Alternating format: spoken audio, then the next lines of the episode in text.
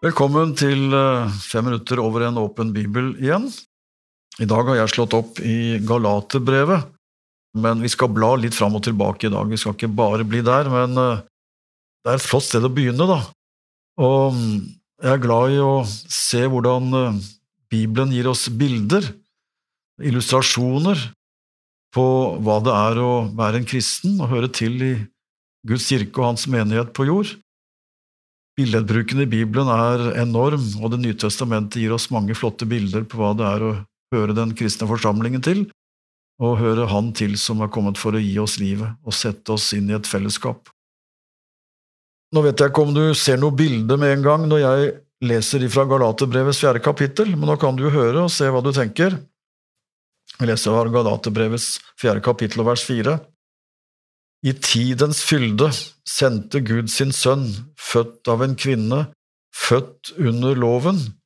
Han skulle kjøpe fri dem som sto under loven, så vi kunne få retten til å være Guds barn. Fordi dere er barn, har Gud sendt sin Sønns ånd inn i våre hjerter, og ånden roper Abba, far. Derfor er du ikke lenger slave, men sønn. Er du sønn, er du også arving innsatt av Gud.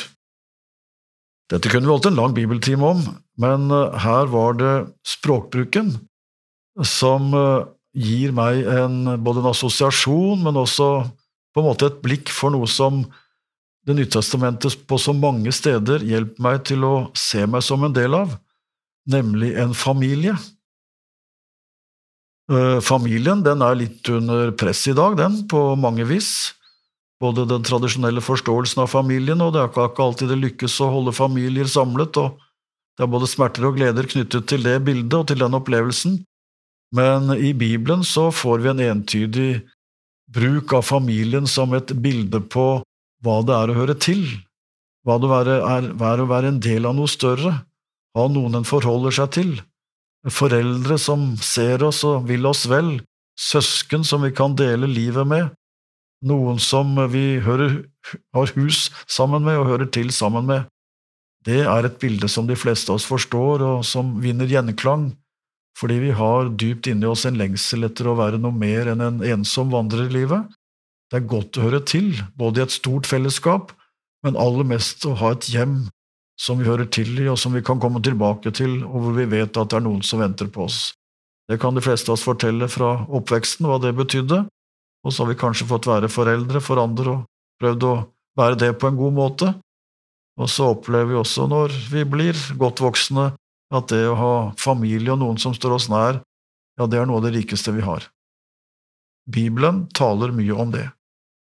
Og dette avsnittet vi leste i Galaterbrevet, det lar meg ane at her er det nok en overgang fra bilde til realiteter. For eh, det har du sikkert sett, at i Bibelen så møter du ofte Gud, og han er far. Og så møter vi Jesus, som er Guds sønn, men han, han kommer og sier at han er vår bror. Gå og si til mine brødre, sier han til Maria etter at han har møtt henne som den oppstandende, gå og si at jeg går i forveien for dem, og jeg skal fare opp til Han som er min far og far for dem. Hebreerbrevet skriver i kapittel 2 vers 11 at Jesus skammer seg ikke over å kalle oss for søsken. Så dermed så, så blir jo jeg trukket inn jeg, i eh, dette familiebildet som starter med at Gud, Far i himmelen, sender sin sønn for å være min frelser, og så bruker han også bror-begrepet når han møter meg, og jeg skal få være hans bror, og du kan få være hans bror eller søster, du også, for han skammer seg ikke over å ha søsken som oss. Og dermed så møter jeg mange steder når jeg har blikket med meg i Det nye testamentet, ord som hjelper meg til både å se familiebildet, og det kan jeg bruke og knytte til mine heldigvis gode opplevelser av å høre til i en familie, og så kan jeg bruke det bildet til å tale om noe som faktisk er en realitet, nemlig at jeg hører til i den familie som som Gud har, og som består av alle dem som har Jesus som sin frelser og som sin bror, som han har gått i forveien for, men han skammer seg ikke å se at vi kommer etter, enda vi er som den flokken vi er. Det er sånne han vil ha. Vi har en far, og vi har en bror. Og når vi ser det, så ser vi også hverandre med et nytt blikk. Det har jeg opplevd, og det håper jeg du også kan få oppleve. At det å se Jesus som din bror, som er kommet for å ta deg ved hånden og føre deg gjennom livet, det gjør at du også får et litt annet blikk på de andre som hører til i samme flokken, for da er vi faktisk søsken, vi også, og derfor blir dette familiebildet, som både er realitet og bilde på en gang, det hjelper meg til å se dem jeg tilhører, Å se dem med Jesu blikk, da er det litt lettere å tolerere ting jeg skulle ønske var annerledes, og jeg våger også å tro at jeg kan høre til der, for jeg er jo ikke perfekt bestandig, jeg heller. Lukas 15 er lignelsen om den bortkomne sønnen og den hjemmeværende, og det er mye å si om dem begge. I vers 20 så står det om faren som sto og så etter en bortkomne sønn. Mens han ennå var langt borte, fikk hans far se ham, står det.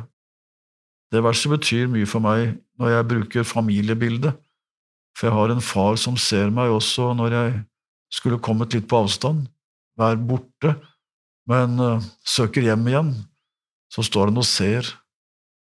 Og så kan jeg, for å bli den lignelsen, også være den hjemmeværende sønn, som ikke ligner på han i lignelsen, som blir sur for at faren er for raus, men heller være en som står ved fars side og sier at jeg skal løpe og ønske han velkommen igjen der han eller hun kommer, og så skal vi være en familie igjen, for eh, det går an å komme tilbake om du skulle komme litt på avstand. Så hvis du som hører på er en som føler at du ikke riktig er sånn der du skulle være, så er det en far som står og ser. Det er en bror som står og venter, og så er det mange av oss som vil være dine medfamilielemmer, som får glede oss sammen over å høre til i den familie som har en far i himmelen, og en frelser som ikke skammer seg, men gleder seg over å kalle oss for våre søsken. Svein Granerud var andaktsholder i Over en åpen bibel i dag. Serien er produsert av Norea Mediemisjon, og du kan lytte til vårt arkiv av andakter på norea.no.